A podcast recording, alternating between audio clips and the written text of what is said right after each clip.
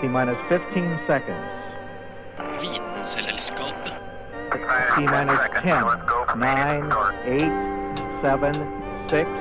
We have main engine start. 4, 3, 2, 1, and liftoff. Vitenselskapet.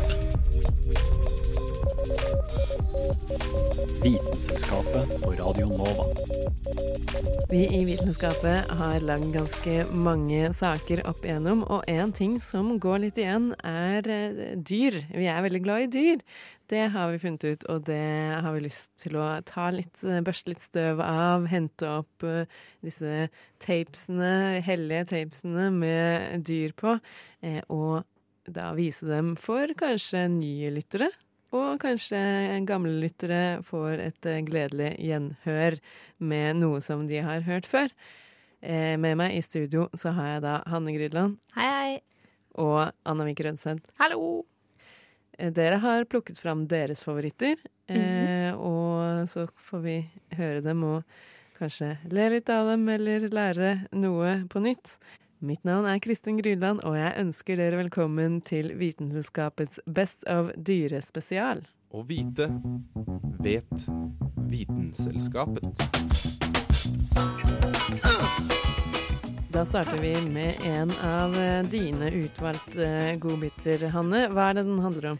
Ja, um, da Carl eh, Adams Kvam lagde dette innslaget, så ble jeg gjort oppmerksom på en krig som i hvert fall ikke jeg visste hadde skjedd. Hvis, vet dere hva som skjedde i oktober 1932 i Australia? Hvilken krig som Jeg, jeg brøt ut? husker det godt. Det var, eh, det var eh, Det er faktisk så eh, innlysende at jeg tenker Anna skal få svare. Kom igjen da, Anna. Alle andre veit det. jeg, jeg, jeg sier pass jeg. Da skal vi kanskje la Carl få svare på det? Ja. Den australske emuen er i all hemmelighet ei drapsmaskin. Den ser kanskje ikke så skummel ut på avstand. Du har å gjøre med en stor fugl som ikke kan fly. Kommer du litt nærmere derimot, blir perspektivet et helt annet. Fuglen kan på det meste rage 190 cm høy, altså høyere enn de aller fleste. Samtidig er kroppen halvannen meter lang. Det er ingen liten sak en har med å gjøre. Føttene er imidlertid som fyrstikker å regne, så den største emuen veier ikke mer enn 60 kilo. Lett, tenker du. Den fjørvekta hamler jeg lett opp med. Nja, på grunn av den lave vekta kommer du til å slite hardt med å komme deg unna den sinte emuen. De kan nemlig komme seg opp i 48 km i timen, beinene fram på de to lange føttene sine. Med to og tre kvart meter steg flyr fuglen nærmest langs bakken. De rudimentære vingene på sida av kroppen er ikke lenger enn 20 cm, men flakser like fullt mens fuglen springer i toppfart. Muligens for balansen. Men hva er det farlige med fuglen? Se ned. For føttene til Emund er nemlig hovedforsvaret til dyret. Foten er som en djevelgaffel. Tre tær holder Emund på føttene, og på enden av disse tærne er det sylkvasse klør. Tåa og kloa til sammen måler imponerende 15 cm. Når emuen da sparker hardt, viser det seg at den er av de rammere dyrene i Australia. Du kødder ikke med en emu, og om du prøver å komme deg unna, må du springe forbanna kjapt.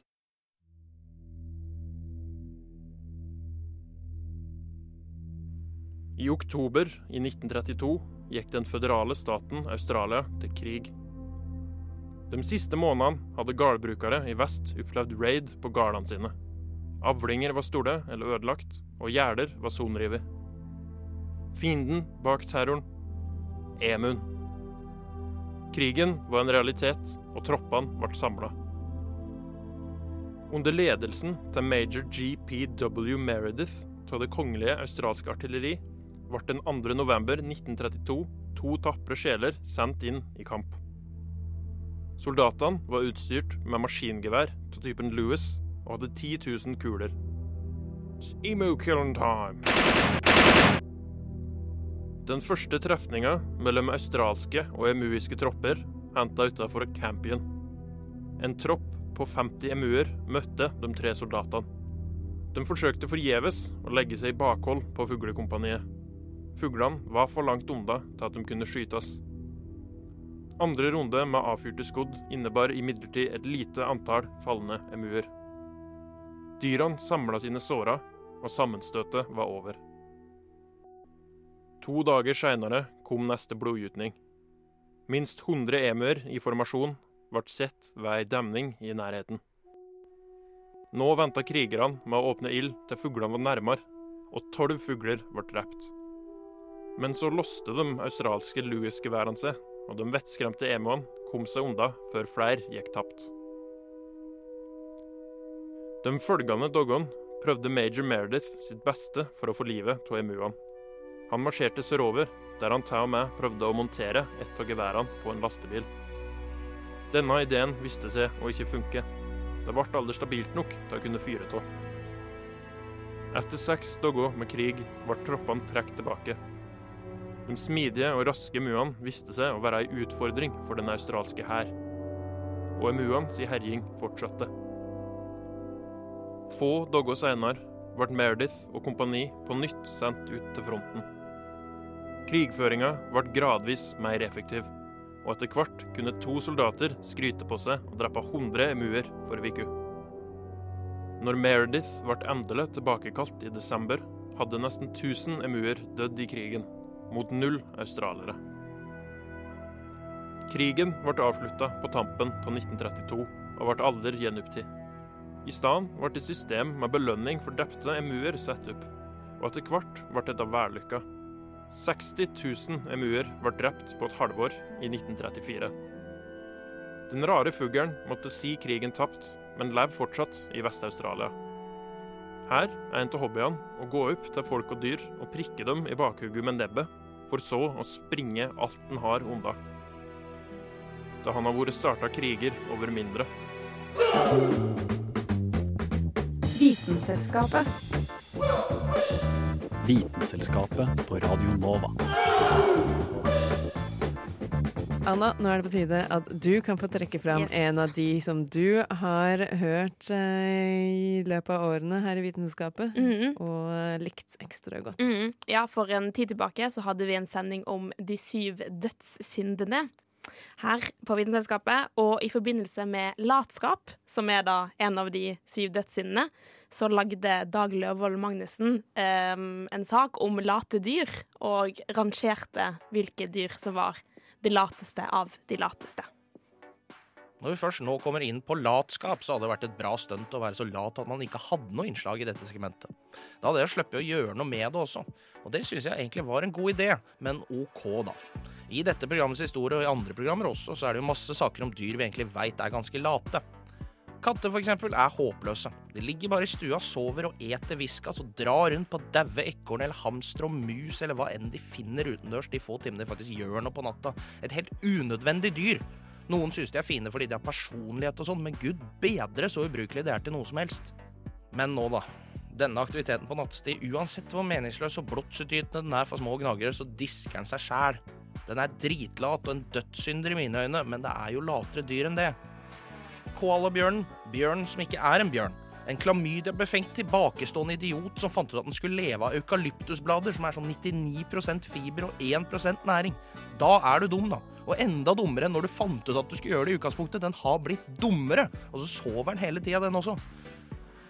Men dette pungdyret, uansett hvor søt noen mener den er, diskes også. Selv om dumskapen gjør den fortjent til å være en dødssynder i mine øyne. Og mange kunne vært nevnt. Flodhesten sover 18 timer i døgnet, men den dreper jo flest mennesker i Afrika i løpet av året. Det er ikke lat nok. Uglapa ligger og drar seg hele dagen, men den er jo oppe om natta. Løver og tigre sover masse, men de er bare større katter og er sånn sett ubrukelige, men ikke late nok. Men hvem kan slå dem alle, da? Den lille brune flaggermusa. Sånn høres den ut.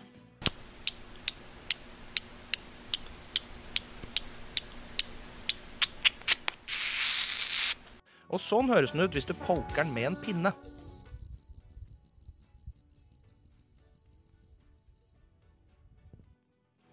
Den er nordamerikansk, og litt i slekt med den norske også. Den lever av insekter og bygger seg gjerne reir i hus.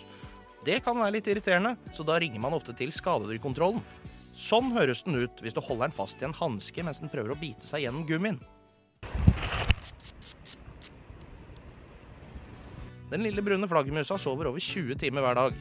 Det er ikke så unikt, men fordi den lever av insekter som er aktive på våren, går den også i dvale seks måneder i året. Det betyr at den er aktiv 730 timer i året, sånn ca. fire uker og to dager. 32 dager av 365! Det er helt latterlig lite. Én ting er å gå i dvale som en bjørn, eller noe sånt, men når du fra før bare er våken fire timer hvert døgn, så går det an å stille spørsmålstegn ved dens eksistens. Noe den sikkert gjør sjæl også. Hva er meninga med livet? Jeg henger opp ned i 48 uker. Den er et forholdsvis vanlig syn i statene, men nå har den blitt rammet av det forferdelige hvitnesesyndromet. En sopp som gror på nesa og vingene dens. Og lokalt kan over 90% av en smitta koloni stryke med. Så den er smått trua akkurat nå på denne skalaen. Men jeg tror ikke det får den til å kjempe for livet eller noe. Jeg tipper det nesten er sånn at den dauer før den har fått med seg at den er sjuk en gang. Men ja, skvik, skvik, så ses vi om 48 uker. Feit. Man blir feit av sukkerbrus. Og velkommen til Vitenselskapet. So, thank you, plants. Og ser at det bare kryr av sånne melinsekter. Utgave av Vitenselskapet på Radio Nova. Wow. 450 million år gammelt dyr. Men dette var seriøs forskning, folkens. Og du hører på Vitenselskapet. Episode av Vitenselskapet. Til Vitenselskapet. Dagens tema er dyr, og de er jo litt annerledes eh, enn oss på mange måter. Blant annet når det kommer til dette som vi har midt i ansiktet. Jeg snakker selvfølgelig om nese og luktesans. Hanne, du har fordypa deg litt i dette emnet. Ja, eh, fordi forrige gang så hadde vi jo en studiosending der vi snakket om ting som vi inhalerer. God sniff der. Eh, Yes, takk. Um, og nå som vi skal snakke om dyr, uh, så kommer jeg til å tenke på hvordan er det egentlig dyr inhalerer, eller sniffer, eller lukter. Så da begynte jeg rett og slett å se litt på hva er lukt i det hele tatt. Hvordan, hvorfor er det sånn at vi oppfatter at ulike ting lukter forskjellig? Em, så hos oss mennesker, og egentlig også dyr, så handler det jo om at uh, fysiske molekyler uh, setter seg på et luktorgan. Uh, og det, de signalene gjøres om til impulser som går videre til hjernen, som tolker luktsignalene til det vi vil kalle lukt, da. Så man kan tenke seg at det finnes sånne derre luktfnugg som flyr gjennom lufta, Ja, og så fester det seg inni nesa. Og et luktfnugg. Eh, et annet mer vitenskapelig ord for det er odorant. Ja, jeg foretrekker luft, eh, luktfnugg, men eh, andre kan jo kalle det odorant. Det er jo et mye søtere, søtere ord. Eh, men disse odorantene, da, som er disse lukt, luktfnuggene som flyr rundt, eh, de setter seg på eh, luktreseptorer. Og i, eh, i mennesker og andre måte, virveldyr som lever på land, da, som hunder og elefanter og egentlig alle mulige dyr du kan tenke deg, så har vi jo luktorganet vårt sitter i nesa. Så vi drar inn lukt gjennom nesa, og der så møter odorantene eh, reseptorer, binder seg på dem eh, og sender impulser videre til hjernen. Og der så setter hjernen sammen de ulike signalene til det vi kaller lukt. da. Og eh, fram til ganske nylig egentlig, så har man tenkt at mennesker de kan oppfatte sånn ca. 10 000 ulike lukter. De sier jo da vi mennesker er på en måte Vi har fått litt dårligere luktesans av å leve i denne parfymerte, rene verden. Eh, hvor lukta ikke spiller så veldig stor rolle for vår overlevelse. Eh, men sånn som dyr, som ofte er sett på til å ha mye bedre luktesans enn oss, de trenger jo luktesansen for å lukte etter finne mat og bytte og den type ting. Um, så, og det er jo litt vanskelig når, hvis du skal sammenligne luktesansen til dyr og mennesker. Det er jo mange ulike måter du kan gjøre det på. Du kan si Enten så ser man på antall luktreseptorer, eksempel. Hvis man gjør det, så får man litt sånne rare sammenligninger, fordi mennesker og, og dyr har egentlig ganske like mange sånn lukt, lukteceller, i hvert fall hvis man justerer for kroppsstørrelse. Så alle har det samme potensialet, da, på en måte, til å lukte? Eh, nei, altså det er jo litt vanskelig å si. Du kan jo også øh, si at øh, Se på luktsenteret i hjernen kontra størrelsen på resten av hjernen. For eksempel så har jo en, en mus 2% av hjernen deres er et luktsenter. Mens hos oss er det 0,01% av hjernen. Betyr det at mus lukter bedre enn oss, eller betyr det bare at de generelt er dummere enn oss? Men hvis du, tar, hvis du hadde tatt ut luktsenteret vårt, og så hadde du sammenligna det med musa, så er jeg sikker på at luktsenteret vårt er sikkert større enn hele hjernen til musa. Ja, det er noe med det, da. Eh, så um, det virker som forskerne har begynt å se på Ok, men hvis man ser på genene, hvilke gener er det som koder for luktsansen? Eh, um, så, og sammenligner det, så får man en sånn slags rankingliste da, på hvem i eh, hvilke dyr, inkludert mennesker, som lukter best. Eh, så mens mennesker har ca. 400 av genene våre som koder for lukt, eh, så ser vi at hunden har ca. dobbelt så mange. 800. Eh, mens på toppen av lista så finner vi elefanten med 2000 av gener som koder for lukt. Den sa jeg ikke komme. Nei. Kanskje ikke så rart. Eh, eller jeg vet ikke, men elefanten går jo mye med, med snabelen liksom nede i bakken og alt. Den bruker liksom snabelen som en hånd, da.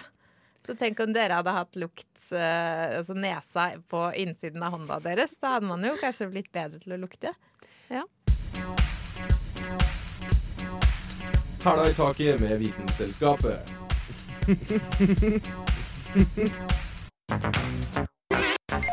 Hanne, du er åpenbart litt i det krigerske hjørnet. For eh, i begynnelsen av sendinga så eh, presenterte du EMU-krigen. Og nå så har du noe annet som er litt i samme greia. Ja, et annet glimrende innslag om dyr, som Ida Katrine Vassbotn står for er eh, Det handler om et, et sterkt dyr. Eh, som er veldig sånn kraftig, eller har mye kraft i slagene. Som liksom elefant eller eh, løve eller noe sånt noe? Tenk litt mindre. Har du hørt om odontodactylus skylarus?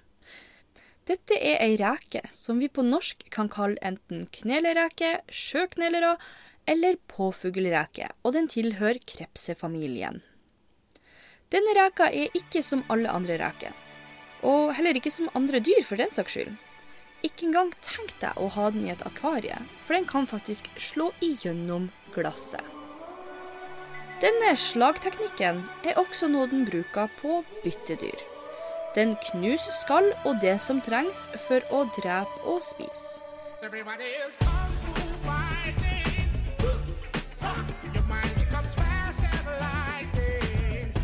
Tidligere studier viser faktisk at slagene kommer med så stor kraft at de skaper et vakuum, og at kraften skal være like kraftig som akselerasjonen til ei pistolkule. Når den slår, produserer slaget ei kraft på opptil 1500 newton.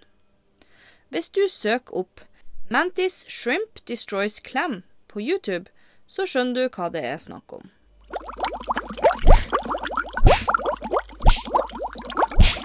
De har faktisk klør, men disse klørne omdannes til noen slags klubbe som de da kan bruke til å bokse seg fram med. Disse klubbene omtales også som det raskeste våpenet i dyrenes verden. Disse klørne har en motstandsdyktig lagdelt struktur, hvor det ytterste laget er laget av hydroxylapatitt. Dette finner vi jo også i vår egen tannemalje. Under der igjen finnes det to lag som på en måte hindrer sprekkdannelse til det øverste laget, som gjør at alt til sammen blir det veldig, veldig holdbart. Og når reka skifter skall, så skiftes også disse klubbeklørene også ut. Denne reka finnes i varme farvann, som fra Stillehavet til Øst-Afrika, og kan bli opptil 18 cm lang. Favorittmaten er bl.a. musling, snegler og faktisk andre krepsedyr. Og den kunnskapen som vi nå har lært av disse ekstremt holdbare klubbklørene, er mye. Spesielt innenfor materiale på et sånn mikroskopisk nanonivå. For dette her kan jo faktisk hjelpe til videre for utvikling av supermaterialer som blir brukt til bl.a. skuddsikker vester. Så tusen takk til havets bunns slåsskjempe.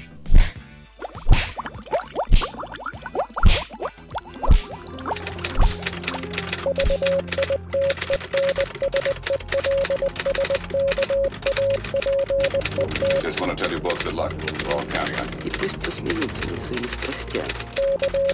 Ведь то, что они называют страстью, на самом деле не душевное. Vitenselskapet А лишь трение между душой и внешним миром. knekker vitenskapens koder. Men det er jo ikke bare vi em, mennesker og dyr som lukter. Eh, visste dere at også fisk har luktesans? Ja, det Jo, men er det ikke sånn at haier kan lukte en dråpe med blod på Ja, en ti Mm. ti kilometers avstand, så eh, du må ikke blø noen ting, eh, fordi da kommer de og spiser deg. Eh, men fisk, altså sånn laks og torsk det, Man har jo vist at laksen, en av grunnene til at den klarer å vende tilbake til sitt fødested for å gyte, er fordi den bruker eh, lukt eh, for å lukte seg fram. Eh, og hos eh, laksen så ligger lukteorganene i sånne luktgroper luktegroper på hver side av kroppen.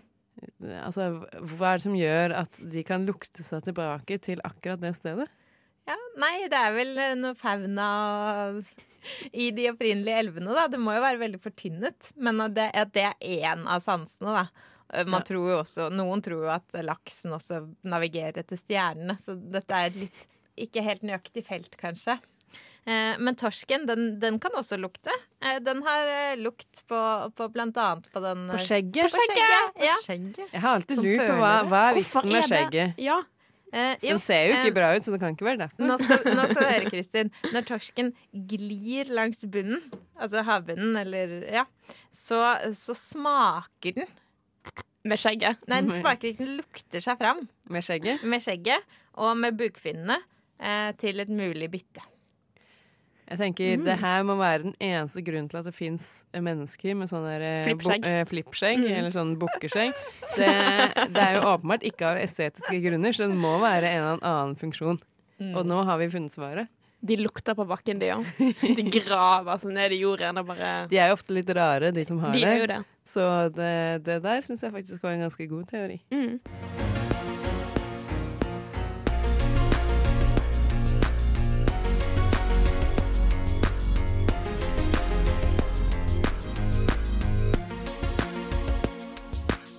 Vitenselskapet på radio Nova.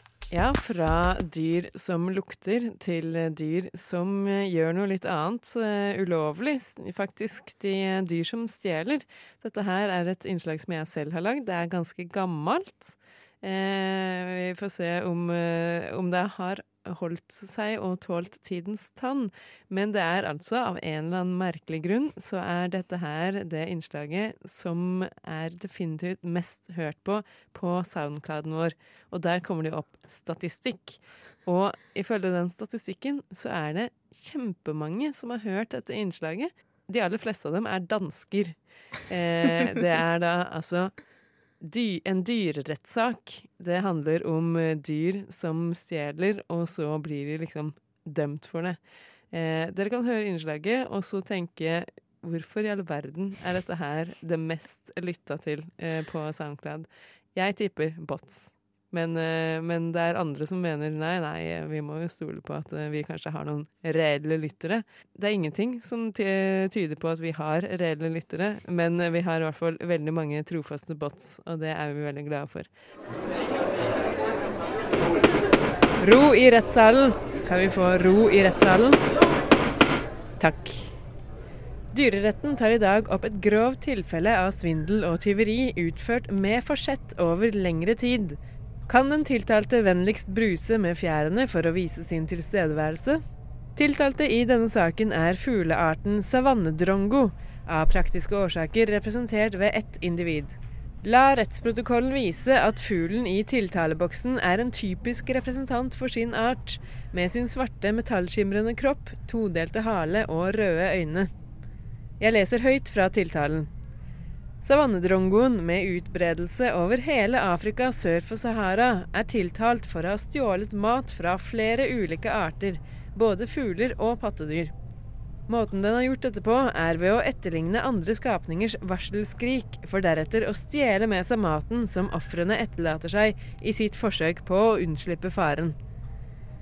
Den traumatiske opplevelsen som dette medfører for ofrene, i tillegg til tapet av sin rettmessige ervervede mat, gjør saken ekstra skjerpende.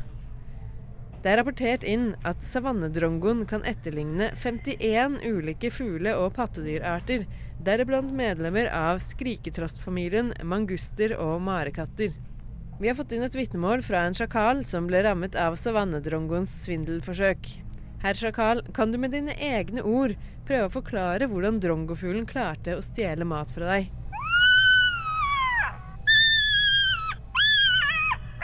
Som retten hørte, er metoden til savannedrongoen særdeles slu.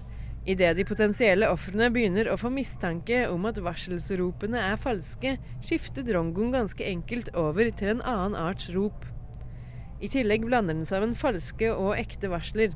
Dvs. Si at den av og til varsler om en ekte fare, mens den andre ganger farer med ren løgn. Som vi hørte, gjør dette det vanskelig for de rammede artene å skille mellom hva som er sant og ikke, og i mange tilfeller er det heller ikke verdt å ta sjansen. Denne anklagen bekreftes av forskere eh, jeg mener etterforskere, eh, som har vært på sporet av denne svindelfuglen i flere år. Disse har spanet på savannedrongoene i over 800 timer, og har til sammen observert 64 eksemplarer av den tiltalte drongorasen i aksjon. I løpet av denne tiden ble de vitne til nesten 700 tilfeller av mer eller mindre vellykkede forsøk på mattyveri. Savannedrongo, har du noe å si til ditt forsvar?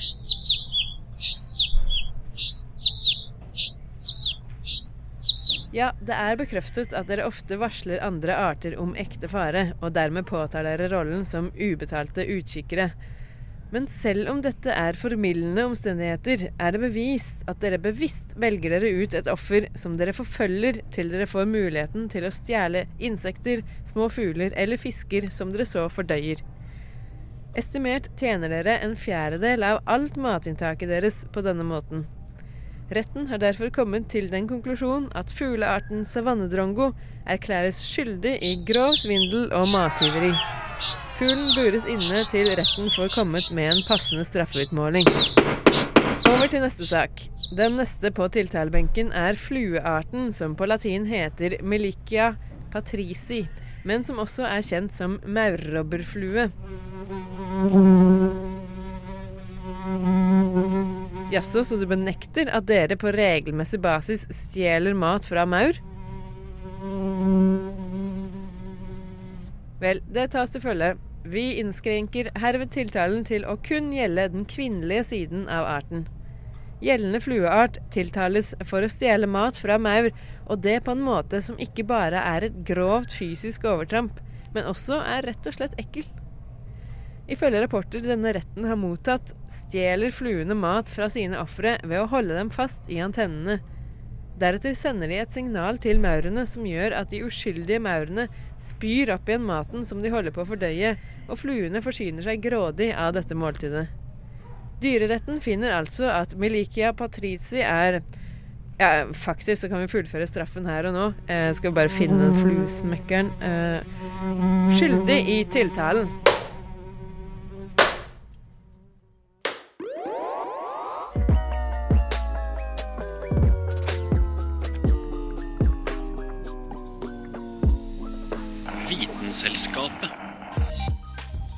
Vi har da eh, dukket opp igjen fra arkivet som vi har svømt rundt i i ca. en halvtime. Eh, det har vært en eh, skrekkblandet eh, fryd å høre igjen eh, saker som vi har lagd tidligere. Det var i hvert fall noe gammelt og noe nytt. Neste uke er vi tilbake med spennende nytt materiale fra Amsterdam. Ja, for vi tre sitter jo her i studio, og det er det er frivillig. Mhm. Vi har lyst. Men det er også fordi at vi er blitt etterlatt. Fra de andre. De har bare dratt til Amsterdam uten oss. Vi er forlatt. De har eh, dratt til Nederland for å lage nytt og spennende innhold til Vitenskapet, så det blir veldig mye eh, morsomt eh, framover. Jeg håper at de har hatt det kjempefint der. Ja, For vi har, jo hatt det, Mhm. vi har jo hatt det kjempefint her i Norge, så vi er ikke misunnelige. Nei. Så eh, hør på oss framover. Jeg må si takk til deg, Hanne. Takk til deg, Anna. Mitt navn er Kristin Grydland, og dette har vært Vitenselskapet. Vitenselskapet.